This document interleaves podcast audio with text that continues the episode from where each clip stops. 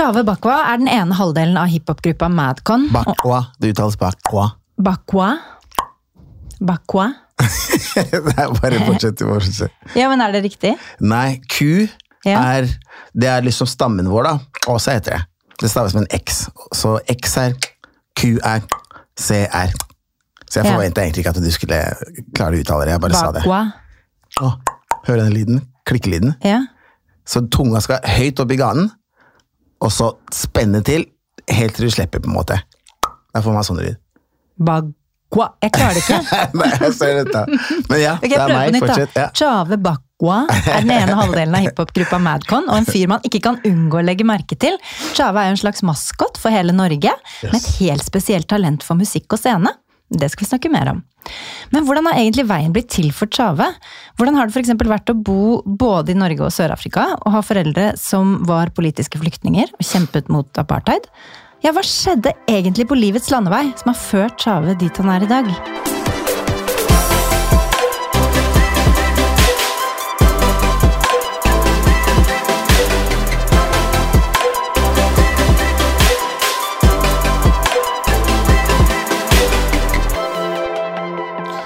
Wow!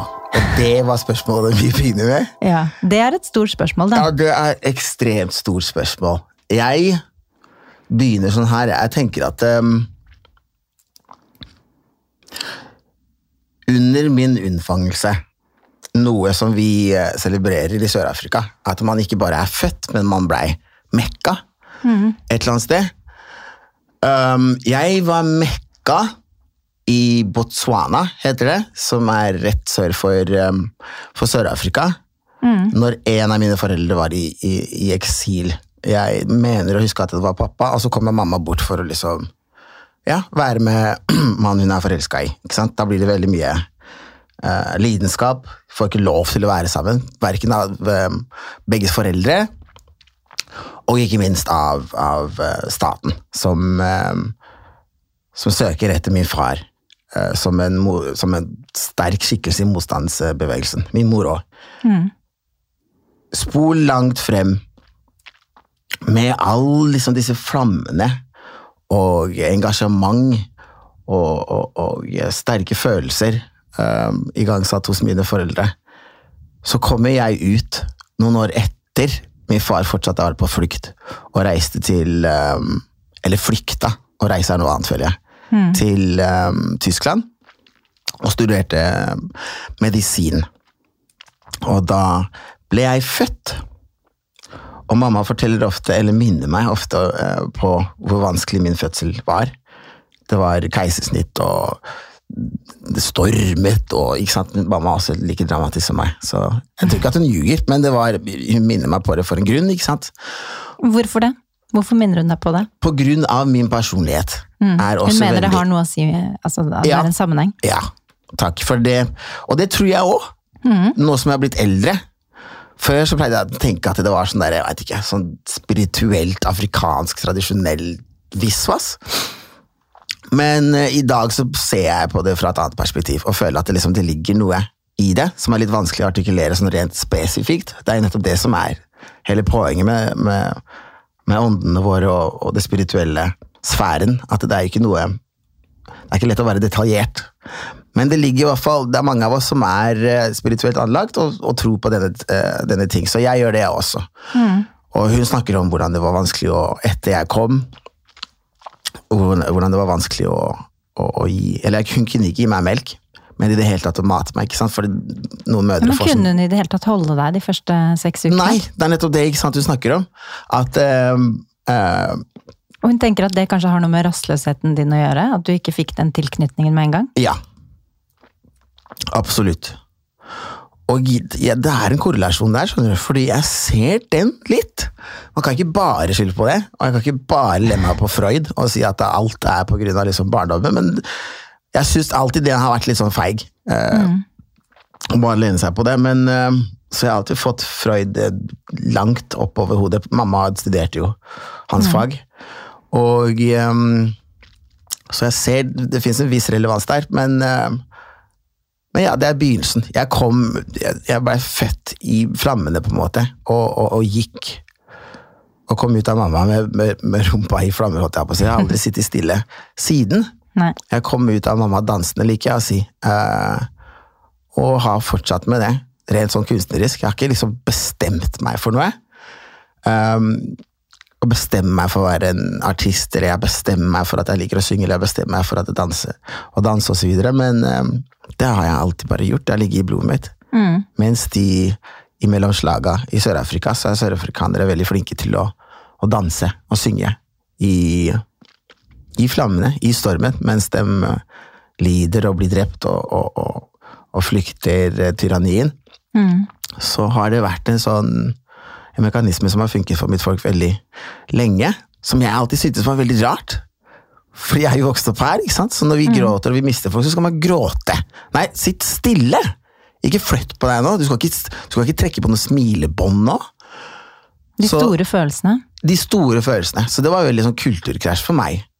Og ironisk nok, i et land hvor jeg ser ut som alle andre, men eh, kulturelt sett eh, oppfører meg annerledes, følte meg også annerledes. Så de så jo alltid, alltid veldig rart på meg.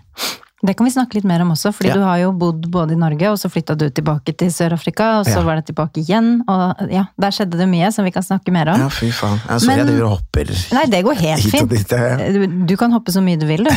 Men jeg bare Det blir litt tenkte hopping, altså. Ja, det er topp, det. Men jeg bare tenkte jeg skulle spørre deg om altså, Da du kom til Norge eh, fra Tyskland, seks måneder gammel, så flytter dere til Stavanger. Ja. Etter hvert, i hvert fall. ja. Og da, du blir jo så mye som fire år, så skjer det noe veldig dramatisk i livet ditt, som også kanskje har vært med på å prege deg. Hva var det som skjedde da? Ja, jeg spørs hvordan jeg ville sagt at jeg er blitt preget av å brenne ned kåken til eh, familien min i Stavanger. Var det Noe du jeg som gjorde det? Ja, det var jeg som gjorde det. Vi brant, jeg brant ned kåken vår. Et Å ja, rekkehus på? Hva heter det. Um, en av de få gangene jeg hadde møtt min far under min eh, tidlige oppvekst, så hadde han kommet på besøk til oss i Stavanger. Og så um, husker jeg vi, vi skulle gå. Pappa skulle hilse på sønnen sin som han ikke kjente så godt, og så kjørte vi gjerne innom en lekebutikk eller to her og der, og jeg følte at liksom, jeg var gammel nok til å forstå at han har ikke vært i bildet, og har sett og registrert at mamma har hatt veldig mange tunge dager med hennes nattevakt og, og, og fire gutter. Én gutt er slitsom nok, peker, nå peker jeg på meg, folkens, og, så, og, og en lillesøster. Så jeg følte allerede, allerede den alliansen med min mor, at det liksom, hei, hør da, du kan ikke bare komme her nå, selv om du ligner på meg. Jeg registrerer at vi ligner veldig mye på hverandre, og jeg syns det er veldig fett, men, men eh, i så fall så, så, så Det skal ikke bare, bare være enkelt for deg. Um, så da fortjener jeg den leken her, så peker jeg på den, for eksempel. Så sier jeg nei, den er litt dyr. Ja, men hva med den feite bilen her da, pappa? Ikke sant? Nå er jeg eh, en stor, ung gutt, og jeg fortjener dette her. Jeg har prøvd å hjelpe mamma til her nå med, med oppvasken, og du har ikke vært noen steder, og du har ikke hjulpet til med bleieskift eller noen ting, du. Det fortjener jeg. Og han fortsatte med nei, altså nei, jeg kommer ikke her for å bestikke deg, jeg er faren din, jeg trenger ikke betale. Og jeg tenker i hodet mitt, jo, det gjør det. Så jeg, vi kom hjem da, etter den eh, Så du, hadde, du bar et nag til faren din allerede da? ja, veldig tidlig. Og så mm, kom hjem uten å få noen gaver. Det syntes jeg var veldig urettferdig. Og i det klesskapet i gangen hvor vi henger opp fraktene, pleide jeg å gå og furte for meg selv. Når, eh, når jeg var eh, molefonken, er ikke det dere etniske nordmenn kan si? Men man kan si det òg. Ja. Litt furt, kanskje? Litt furt er bedre betegnelse. Og så, mm, ja, så sitter jeg der da, og liker å gå inn i jakkene og lommene til, f- til, liksom, til jakkene som henger i skapet, og der fant jeg en lighter til faren min i frakken hans.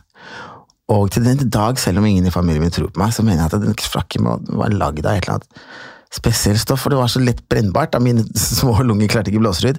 Greia var at jeg skulle bare tenne på hjørnet av frakken, for å liksom Ja. straffe litt grann. Ja. For han lå sikkert ikke merke til det før han var på flyet hjem igjen. ikke sant? Så bare aha, ja, det var sønnen din, ha-ha-ha, så ler jeg mens flyet Ja. letter. Eh, det skjedde ikke. Så mens eh, Når jeg har påtent denne hjørnet av den frakken her nå, og de flammene går fort, fort, fort, fort, vokser fortere og fortere, og jeg prøver og blåser ut, og det funker ikke i det hele tatt med mine små, ynkelige lunger, så jeg løper opp hvor broren min er og barberer seg. Ja. For nå er det tidlig på morgenen, og, og mamma allerede drar på jobb. Så husker jeg å si til Mohali, en av tvillingene, at eh, nei, brorsan, du må, bli med meg ned til første etasje, for altså, kan du komme og fortere? Så ser han i øynene mine at det... ok, hva er det han har gjort for noe nå? Og så løper vi ned, og da husker jeg at jeg står bak broren min, og, og skapet er i flammer allerede. Så da er det bare å evakuere. Så brutter'n skriker, vi henter lillesøstera mi. Og så står vi der ute, ass. Og vanligvis pleier jeg liksom få bank gjerne av, av brødrene mine. Ikke mishandling, ikke sant, men sånn som gutter er med hverandre, sine yngre søsken. Ja. Men det fikk jeg ikke nå.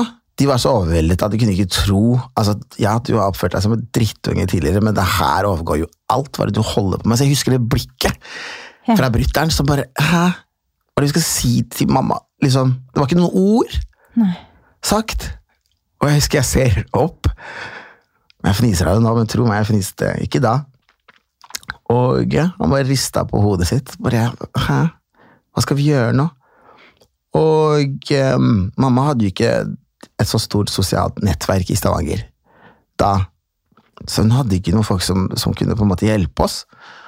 Og Så hun kunne komme seg tilbake på beinet fort nok. Ettersom hun har eh, disse fem barna hun må eh, passe på samtidig. Mm. Så den raske, eh, raskeste og liksom mest fornuftige løsningen var da å flytte til Oslo.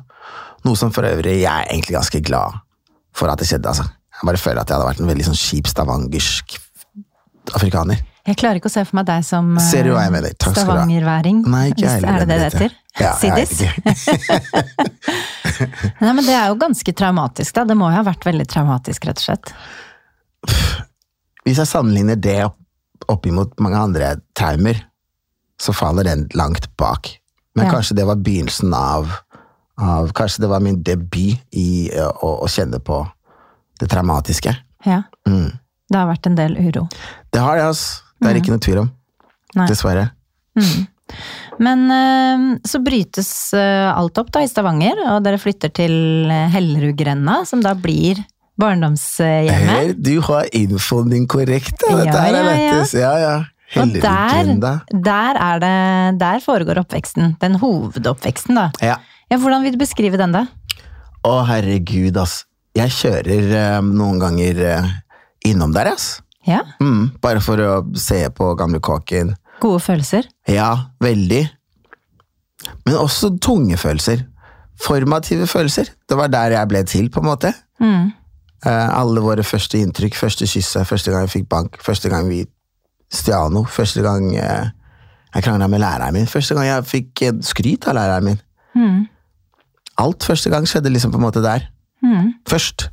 Men samtidig, så du er jo, som du sier, du dansa ut av moren din, og du Mm. starta tidlig å synge og hadde liksom et gehør for musikk. Mm. Og det starta vel i Stavanger allerede? Ja. Det starta kjempetidlig. ja. Hvordan vil du beskrive deg selv som liten gutt? På den måten, altså det musikalske. Musikalsk? Oi, det veit jeg ikke. Jeg- ser det liksom innifra ja, og utover. Så jeg lurer på hvordan jeg så ut. Men ehm, Men jeg husker eh, pff, Noen barn liksom er veldig naturlige i vannet. Og noen er glad i å klatre.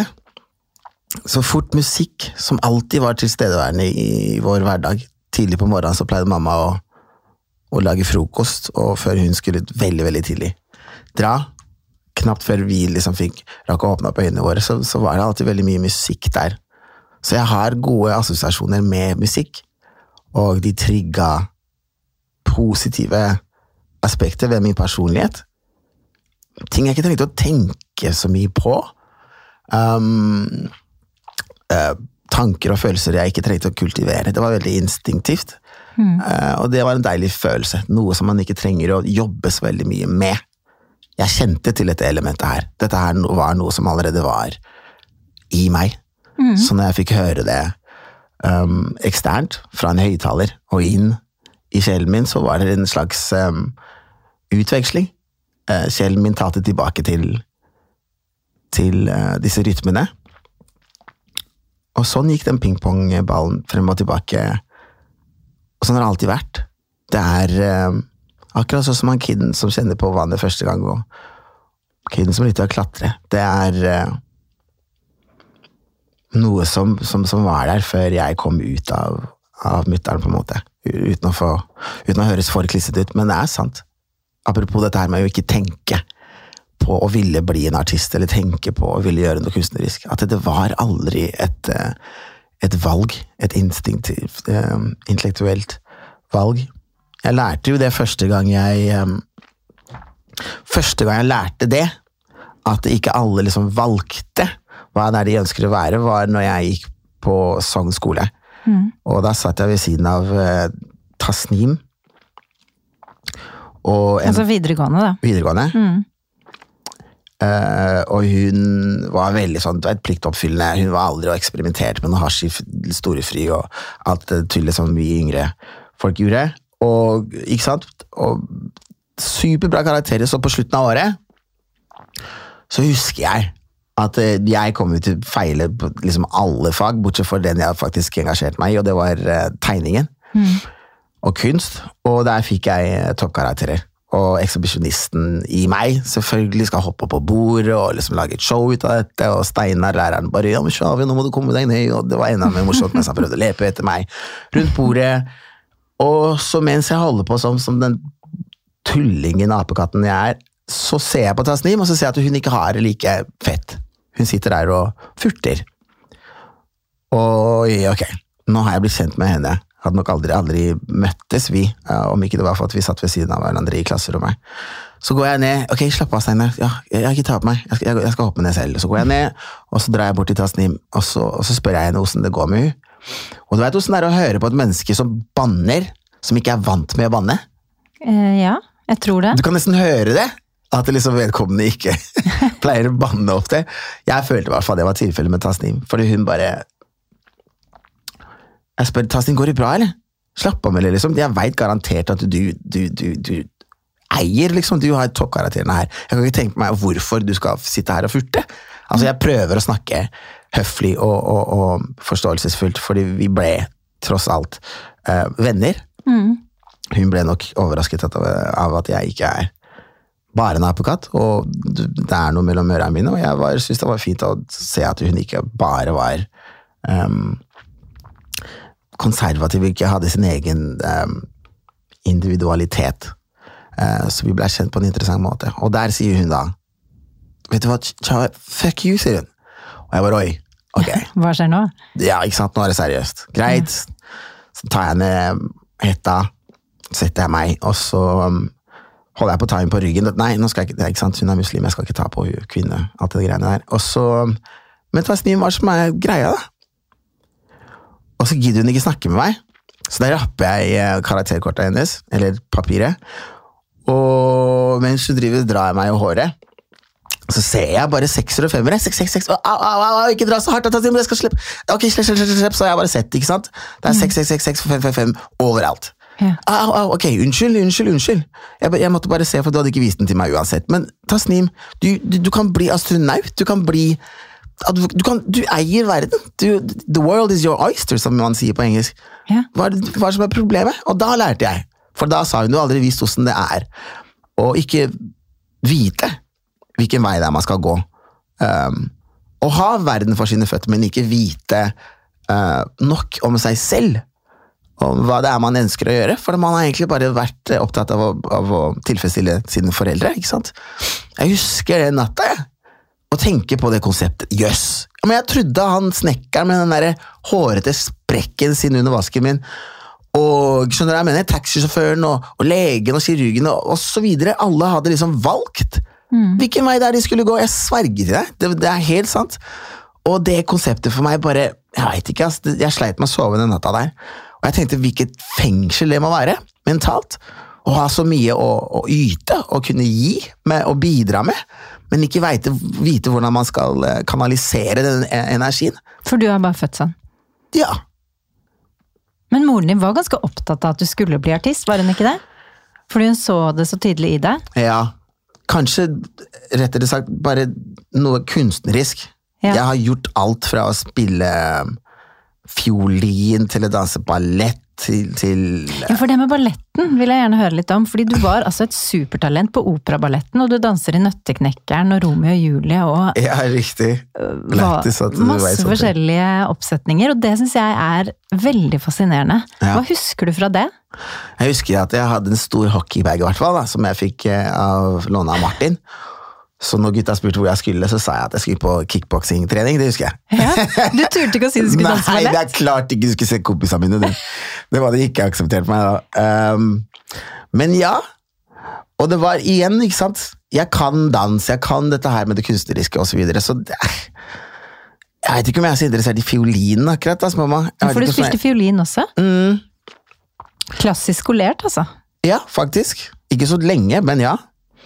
Og sammen med balletten også. Ja, jeg veit du elsker han derre Baryshnikov og Gregory Hines og Men jeg er ikke så Ja, ok, greit, jeg kan godt danse litt. Og så, og så, så det er igjen ting som falt eh, veldig naturlig for meg.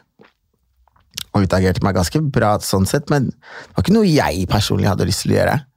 Men utdannelsen var kanskje litt interessant for meg. Det var litt fascinerende å kunne ja, test. Så lenge det dreide seg om kunst og, og, og, og kroppslig, kroppslig bevegelighet og rytme, og uansett om det kommer fra kolonistene våre, eller om det kommer fra jazzartister, eller skjønner jeg mener? Så samme faen. Det er utdannelse. Jeg eh, merker at jeg berikes av å, av å inngå og forsøke å, engasje, å investere energien min på, på å bli flink uh, i disse tingene.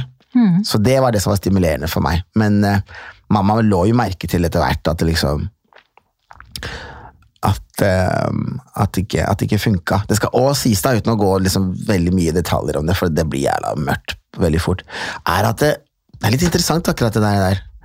Med det liksom klassiske skolerte. fordi både i fiolinen og balletten og så, og så videre, for meg og min erfaring i hvert fall, så var det veldig mye um,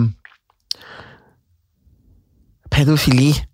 Veldig mye, veldig mye um, Det er jo akkurat det det er. Det er bare vanskelig å bruke så sterkt ord, men det var jo det. Og det er grunnen, hvis vi skal være helt totalt ærlige. Og jeg har bestemt meg for at we go back, meg og deg, Henriette. Jeg tenkte jeg skulle bare Ja. gi deg respekten bare være ordentlig ærlig og oppriktig. Du hadde noen opplevelser med voksne i balletten? Ja. Og fiolin og, og, og, og sånn.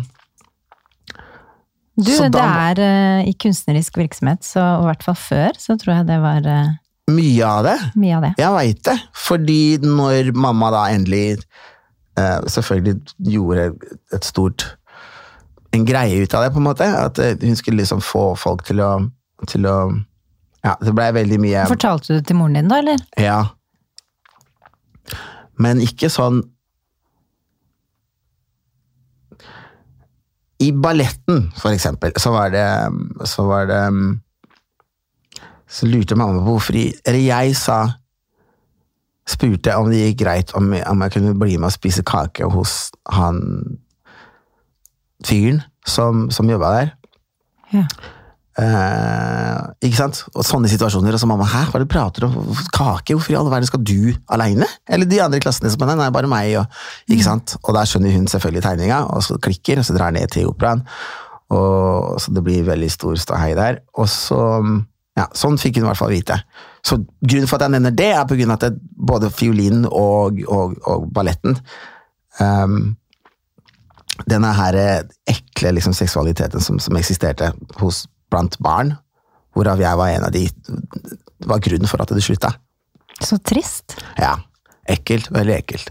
Det tenker jeg ofte på, at jeg er veldig glad for at jeg ikke har liksom psykiske problemer om å kunne snakke om i det hele tatt. Da. Det tenker jeg ofte på. At jeg liksom er glad for at jeg kan sitte her for eksempel, og snakke til deg om dette her. Fordi det er dessverre garantert mange kids der ute i dag også som erfarer den, denne slags ting. Og da er det viktig å kunne si ifra. ikke sant? Si til, til moren din, si til i hvert fall noen du stoler på osv. At dette her føles veldig um, unaturlig, og du må ikke skjemmes for å kunne snakke ut om det, for hvis ikke så skjer ingenting. Og eh, det veit jeg ikke hvorfor, egentlig. For det tenker jeg også ofte på. Nå er jeg en datter, og jeg, blir enda, jeg bare eksploderer bare av tankene. Um, så, så, så det er vel bare flaks, kanskje. Jeg vet ikke. Um, hvordan man, fundamentet ditt, hvordan man er um, bygd. Men det er jeg, til tross for å bare brette ned kåken. Jeg er glad for at jeg kan sitte og bare snakke om, og ikke lide av, på en måte. Mm. Men du er da dette supertalentet. Du danser ballett, du spiller fiolin, du er showchave, du er midtpunktet på skolen, du har eget show. Ja. Men du er liksom altså alt dette her, og så har det jo skjedd noen triste ting også, men da blir du en ganske utagerende tenåring etter hvert. Ja. Gjør du ikke det? Ja. Og moren din tenker at mm, vi drar til Sør-Afrika, det eh, er nok bedre for Tjave i 13-årsalderen, ja. tenker hun. Ja, men ikke bare på grunn av at Altså, grunnen for at jeg blei um, Rettere sagt sendt ned til Sør-Afrika, Mm. var fordi at jeg hadde ranet, ranet en bensinstasjon Ja. med, med, med noen kompiser. Og ja, og det var liksom siste liten. Var det du holder på med.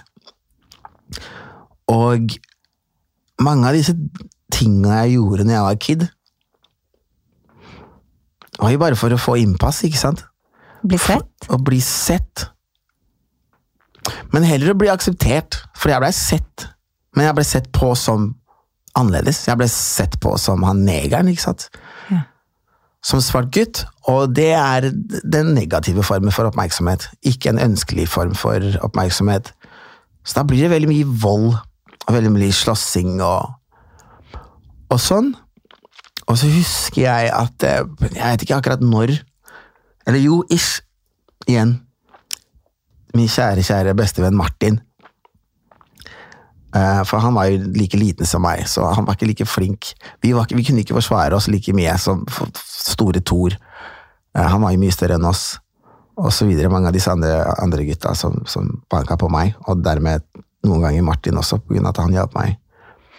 Um, så fant jeg ut fort at å være morsom var et um, effektivt våpen. Mm. Forsvarsmekanisme. Um, så jeg tror kanskje mye av det var grunnen for at jeg var så utagerende som, som jeg var. På godt og vondt. Jeg kunne arrestere publikum med å ikke ta de stega, fem-seks stega, mot meg og slå meg.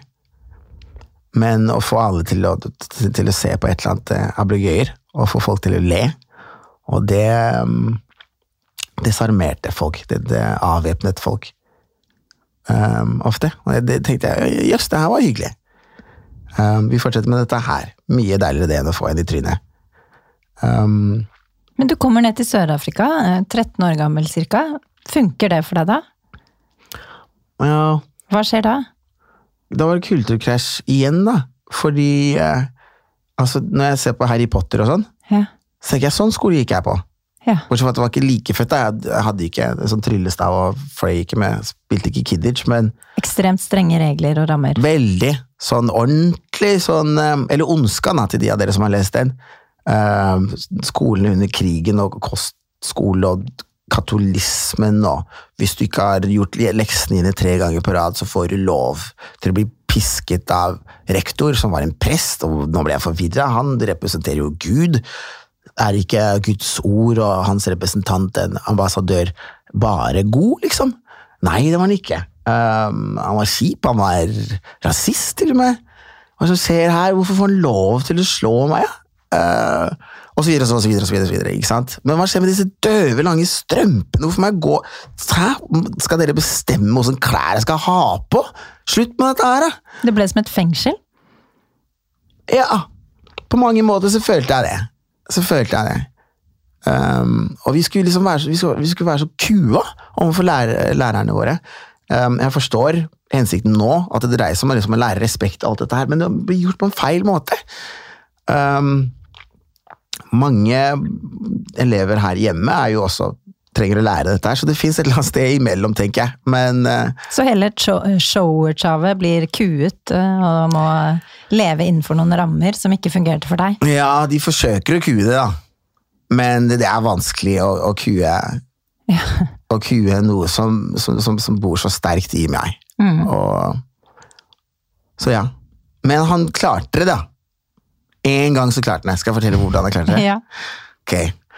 For jeg føler at når jeg kom til Sør-Afrika, da lærte jeg og gikk på den skolen.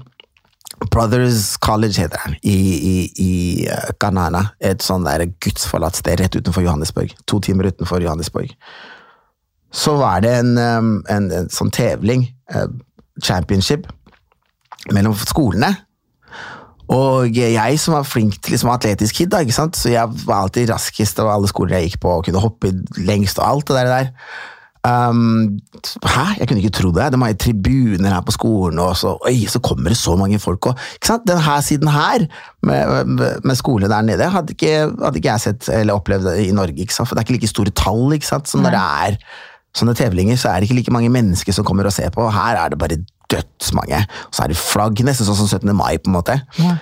Og det var helt utrolig, og jeg bare ok, greit. Nå skal jeg ikke tenke så mye på liksom, alt det andre og det negative, og hver dag så prøver han der Mr. Jacobs, fuckeren, å finne en eller annen unnskyldning for å få meg inn på kontoret hans, og bare et sånn drittsekk av et menneske. Um, så ja. Um, så nå skal jeg bare kose meg, da. Og det var, liksom I gangen så var det mange sånne store pokaler eh, representert av Eller som skolen min hadde fått. da, ikke sant? Så jeg kommer fra sånn prestisjefull skole hvor mange sånne konkurranser hadde blitt vunnet. Og den mest prestisjefulle var da stafetten på slutten av dagen. ikke sant? Så på begynnelsen av dagen sånn at jeg løper ja, om kapp 100-meteren, dreper den. Eh, 200 meter, dreper den. Eh, lengdehopp dreper den. Jeg kødder ikke, drep den. Google meg, jeg tar faen hvis dere tror jeg overdriver. Bare sjekk det ut. Jeg drepte greia. Og Jeg tror på deg. Ja, takk, Henriette. Og så i hvert fall På slutten av dagen så kommer den der eh, prestisjefulle stafetten. Og da Jeg tok det på meg selv at jeg skulle liksom være han lederen, på en måte. Så jeg tok han treigeste, Justin, som var en uh, jødisk uh, gutt. Uh, kort og, og um, litt rund, skal vi si. Og, eh, og sånn gikk jeg liksom nedover rangstigen, på en måte. Og de raskeste, raskere, kunne begynne stafetten. Så Justin var han nest siste. Og jeg husker jeg sa til han, mens vi driver og sitter her og prater hele laget vårt, så sier jeg, Justin, det er viktig, ok? Jeg tror på deg. Jeg ser i øynene, øynene dine at du har lyst til dette her. Ok? Jeg backer deg opp. Uansett når du kommer, så skal jeg løpe alt jeg kan. Men det betyr at jeg trenger at du skal løpe alt du fuckings kan. Ok, Justin? Han bare Jeg lover, jeg lover. Ja, sånn. Ikke sant? Hold den, den, der, den følelsen der. Ok? Så når du får denne pinna der, så må du bare ikke tenk på noe annet. Lukk inn ørene, og så bare løp for livet ditt. Så er jeg der på andre enden, ok? Han bare ok, greit. Og jeg tenker faen, vi kommer til å tape, altså, for han gutten der kommer ikke til å klare å Skjønner du, jeg ser liksom disse hva skal jeg si, anatomiske guddommeligheten av kropper. Afrikanske kropper, og ikke bare, men unge kropper, eh, som ser betraktelig mer atletiske ut enn kjære Justin sin. Med all respekt, eh, Justin. og så eh, Men ikke sant? Kanskje de tok nettopp det for gitt. Fordi når skuddet gikk, og alle skriker i tribunene her nå for sine skoler og så. Og det der er en fantastisk dag, husker jeg. Og så, så løper de, da. Og så der går én pinne, der går to, der går tre. Og vi øh, ramler lenger og lenger og lenger bak. Og Justin endelig får den. Jeg husker jeg står der ved linja, og så kommer øh, Og jeg skriker etter Justin. Jeg ser bare ingen andre i hele universet annet enn han. Og jeg husker jeg fikk så veldig sånn vondt og veldig stolthetsfølelse i hjertet mitt på en og samme gang. Fordi jeg sverger til deg, Henriette, han løp virkelig med hvert eneste fiber av sitt vesen, altså. Ja. Han prøvde skikkelig, og det elska jeg Justin for. Så noe av det var vel en fin inspirasjon for når jeg da endelig fikk den stafettpinnen, som var 40 år etter mange hadde løpt forbi meg allerede, og var ikke, sant, ikke langt unna mål. De samme ordene som jeg brukte for å inspirere Justin, eh, brukte jeg for meg selv. Og eh, lukka igjen øynene og bare løp. For det her var viktig. Det her var, Ja. det her var endelig viktigere enn alt jeg gjorde før. Det, det derre um, lengdehoppene og, og, og, og 60-meteren og 200-meteren osv. Som dreide seg om meg selv, og jeg skal vise alle disse jævla fuckerne. Det her dreide seg om noe langt større, følte jeg. Um, og alle disse emosjonene bærte meg forbi. Og da kjenner jeg at det blir som føttene Hver og en? en. Du løp forbi hver og en? Ja. Etter hvert, så. Og der løper jeg forbi én. Etter jeg har åpna øynene mine etter noen, noen sju meter. Og så ser jeg at ok, hvis jeg klarte den ene der, så klarer jeg den andre. Og så løper jeg forbi. Og nå, etter hvert, så hører jeg at tribunen begynner å rope navnet mitt. Og de andre skolene begynner å chatte navnet mitt også, ikke sant? Ja. Jeg sverger, det var et eller annet psyko som skjedde den dagen her. Føttene mine traff nesten ikke bakken. Igjen, google det, folkens, om det tror jeg ljugde. Kanskje ikke man kan. Whatever. Jeg lover dere, det her er sant. Også, Hva skal man google da? det var akkurat det jeg tenkte på, det blir vanskelig å, å sjekke ut. Det er kanskje litt langt tilbake i tid? det er det, altså. Det her var før krigen, holdt jeg på å si. Men det er faktisk en gammel dokumentar som jeg skal finne frem, som vi har filma i av NRK, som vi filma i Sør-Afrika, hvor de ble med ned og sjekka historikken vår. Ja. Um, men ja, uansett. Nå er jeg ikke så langt unna mål. Og de roper navnet mitt. Chowe, chowe. Og det her er jo dødskult. Nå kommer jo han ekspedisjonisten ut igjen. Så nå er målet rett foran meg. Og jeg har løpt forbi alle sammen. Dette her er den største dagen i mitt liv. Det er min egen personlige finger til han derre drittsekken eh, Mr. Jacobs. Som lærte meg hat. Eh, som er en prest som jeg følte var veldig paradoksalt. Ifølge min definisjon av hva, hvordan en prest, i hvert fall stereotypisk, bør være. Så jeg snur meg og moonwalker eh, mot mål. Jeg vet ikke hvordan man kan oversette moonwalk til folk der ute som ikke forstår hva jeg snakker om. Da, det kan man google. Google moonwalk Det og kan man google, for det skjønner jeg. Jeg klarer ikke å oversette selv. Moonwalk er moonwalk. Moonwalk er moonwalk. Så jeg drar den, jeg. Over mål, selvfølgelig. Tullingen som jeg er. Og nå begynner alle å bade og ler seg i hjel og løper ned fra tribunen. Og kaster meg til værs, og jeg føler meg som en konge. Og herregud, første gang jeg har vært i Sør-Afrika og føler positivitet, da. En glede, en ren glede. Um, øh. Endelig mestring der nede. Ja. Endelig var du på topp.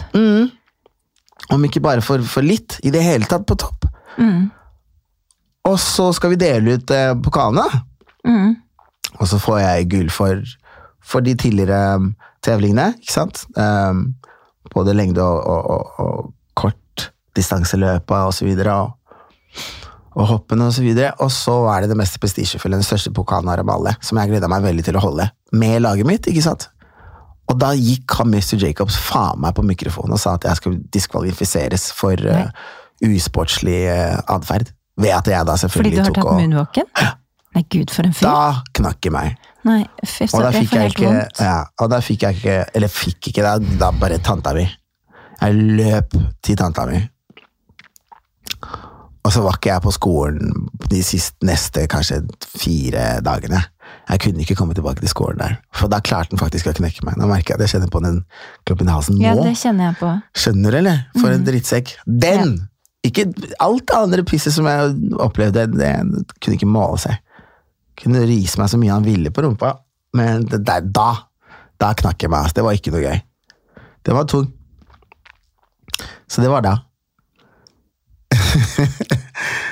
Så kommer du, så drar du til Norge. Tilbake og bor hos familievenner fordi du ikke trivdes i Sør-Afrika. Ja. Det gjør jeg. Og da møter du etter hvert Josef. Og da møter jeg Josef, ja. Mm. Det gjør jeg. Da er du sånn cirka 14? Mm. Det er rundt den tiden der jeg, kanskje noen år etter det, kanskje ett og et halvt år eller noe sånt etter det, jeg blir kjent med deg. Og Ja, vi ble folk kjent på den da. siden da. Mm, for da bodde du på Oslo vest, der jeg vokste opp. Riktig. Riktig. Mm. En, Så vi går langt tilbake, vi. mm, Har ikke vi. sagt noe om det, men Nei, men, Men nå nå sier vi om sånn det. det. Ja. riktig. Og da var jeg en slags adoptiv eh, sønn hos en familie som sa seg villig til å, å, å la meg få være en del av familien deres. Så da bodde jeg der på Oslo vest. Og da var det en gutt som heter, eh, som du også kjenner, som heter Thomas eh, Nordmann. mm. Som sa hei, du er veldig lik en kar som heter Josef, som liker også å komme på- besøk her. Og jeg hadde hørt gjennom årene fra Hellerudgrenda eh, om Josef. ja. Bare sånn Og nå fikk jeg frysninger. Helt sprøtt, altså. Ja. Gjennom, gjennom felles bekjente osv. For Josef fikk også høre om dette her. At det var en fyr som er helt lik deg, han prater like mye, alle skal se på han eksplosjonisten. Snakker om musikk, er veldig flink på å danse, bla, bla, bla. Samme greiene. Og så sier Thomas da skal ikke jeg ta ringene. Så jeg bare jo, jo, kan ikke du gjøre det? For nå har jeg hørt nok om han fyren her. La meg få prate med fyren.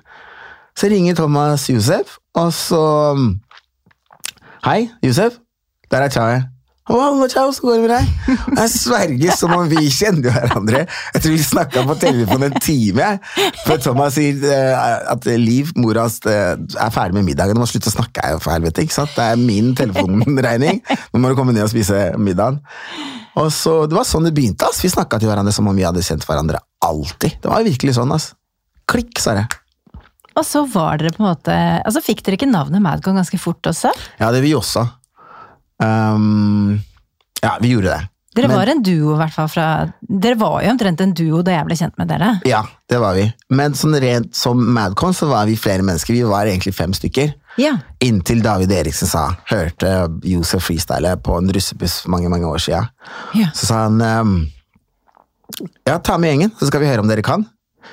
Og så Da var ikke jeg med, da, men han um, når, når freestylen skjedde. Men når vi dro til um, plateselskapet, til studioet hans, da ikke plateselskapet, men til studioet til eh, David Eriksen, Mm.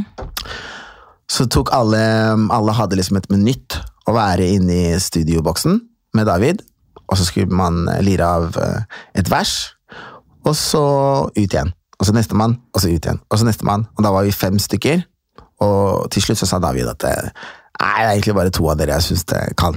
Så det får dere take it or leave it. Brutalt. Veldig brutalt. Og like brutalt så sa meg Josef fra Øyra.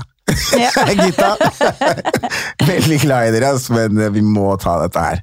Og Ja. hoppe på den sjansen her, liksom. Så, så da ble det bare Josef som bare gikk inn igjen og sa David, vi er klare for å kjøre på.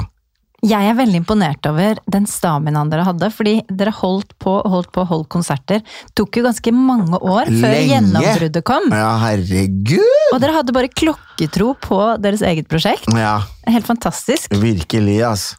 Nå kommer jeg til å høres ut som en gammel mamma, men jeg tenker veldig mye på liksom kidsa i dag. Skulle bare visst hvor mye arbeid som trengs, liksom. Jo, men virkelig. Ja, vi kjørte på altså, lenge.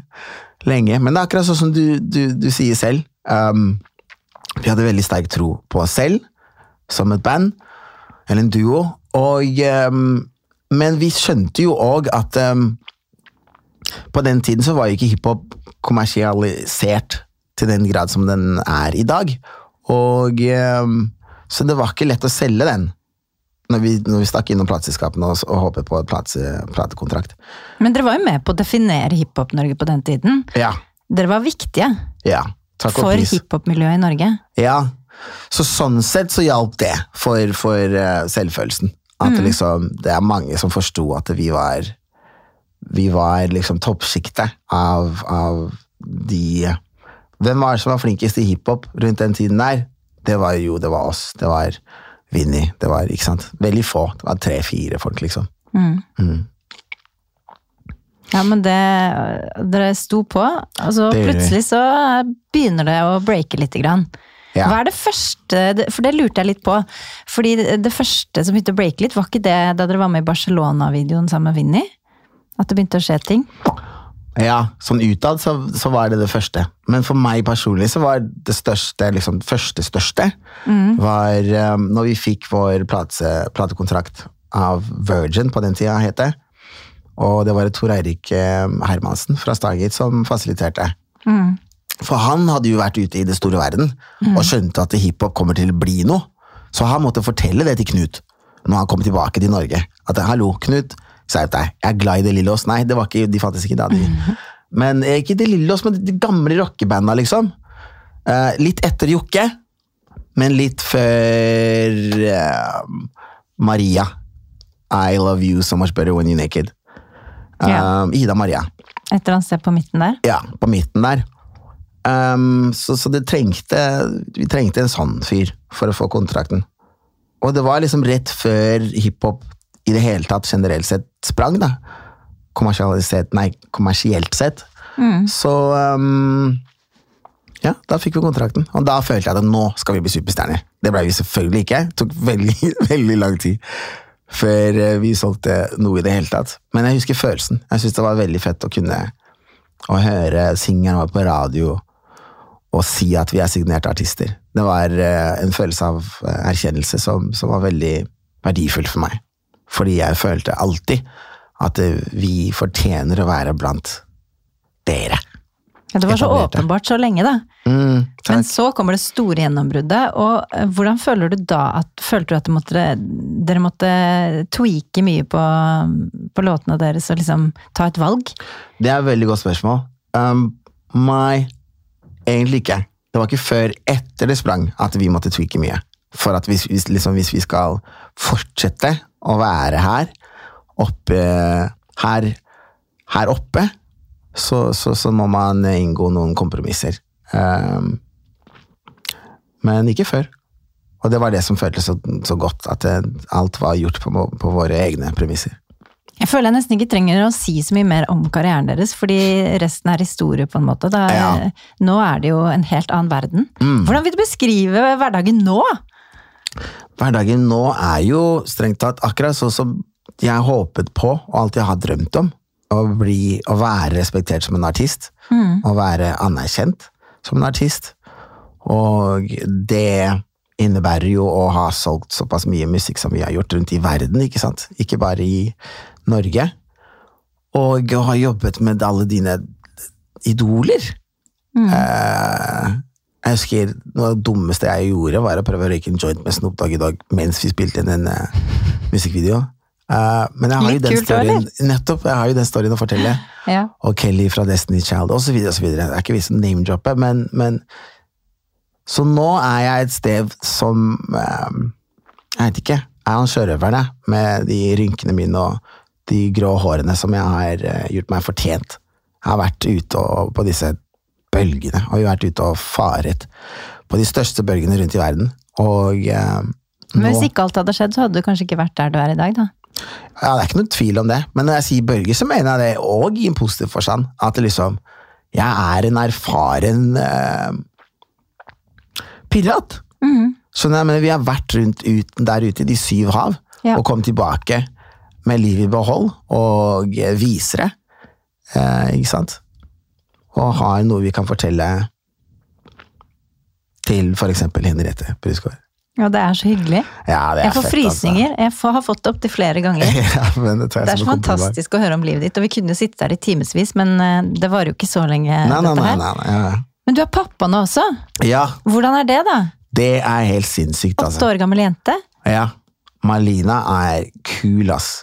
Litt vel lik eh, faren sin, men jeg føler jeg er et slags karmaslapp, på en måte. At jeg skal få smake litt grann selv av min egen medisin.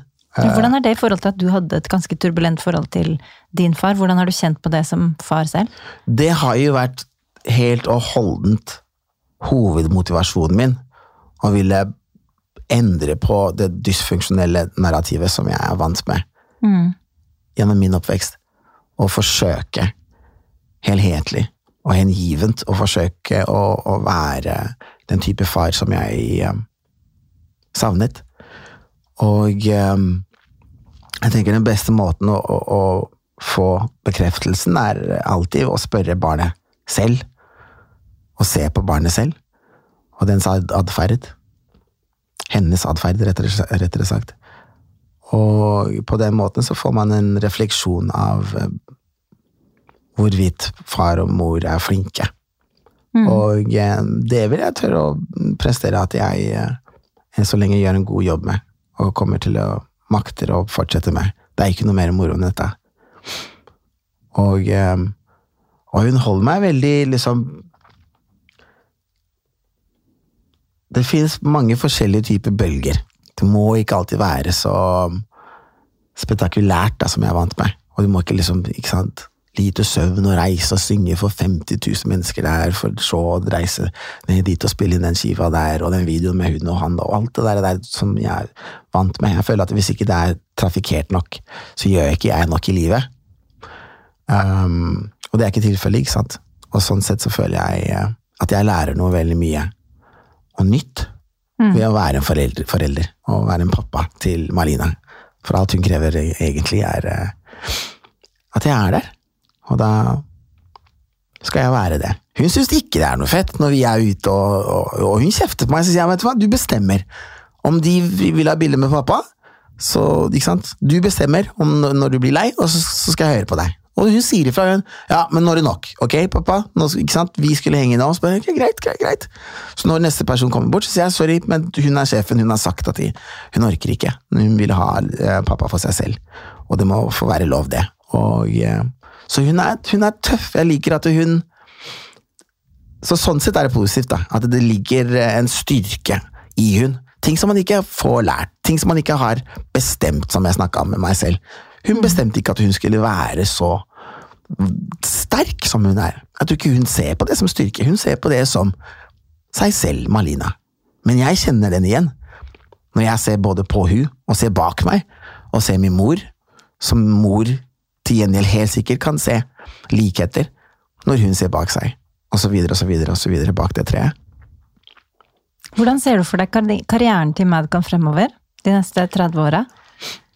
Jeg tenker um, Du ga meg noen fine stikk om ting jeg bør tenke på uh, før vi kommer hit og, og sitter og prater. Og mm. en av de tingene jeg tenkte på, var Vi er faktisk i en situasjon nå hvor vi venner oss til å, å, å kjøre på med, med våre individprosjekter.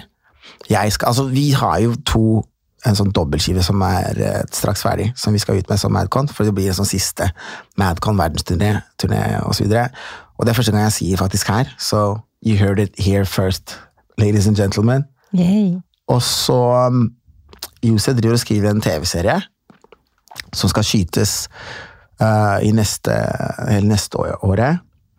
Og jeg driver og gjør ferdig en soloskive og en bok som jeg skriver. Og vi bare kjenner på det. At, uh, og det, jeg er så glad for at det skjedde naturlig. Jeg syns det er så trist at alle så sånne suksessfulle band og så videre, at duoer alltid skal slå opp. da. At det skal alltid være en økonomisk krangel eller, eller noe. Kanskje teit eksempel, men jeg så Matt Damon og eh, Ben Affleck på Tonight Show. Mm. Det hørtes veldig norsk ut. Tonight Show. Men, du er norsk. Ja, jeg er det. Og så um, så syntes jeg det var så fint å se de. ikke sant? De har jobba sammen i 25 år, nesten like mange år som, som meg. Eller like mm. mange år som meg og Josef, ikke sant? Mm. Og eh, det har sikkert vært turbulent der også, men det, fundamentet har alltid vært um, Hva skal jeg si, ja? Um, what's the word? Det har alltid vært en forståelsen om at vi, det er oss.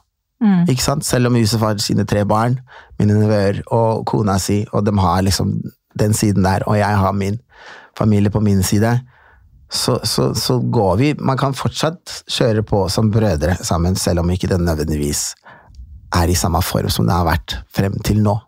Og jeg tror vi kjenner på det, og jeg syns det er ganske spennende.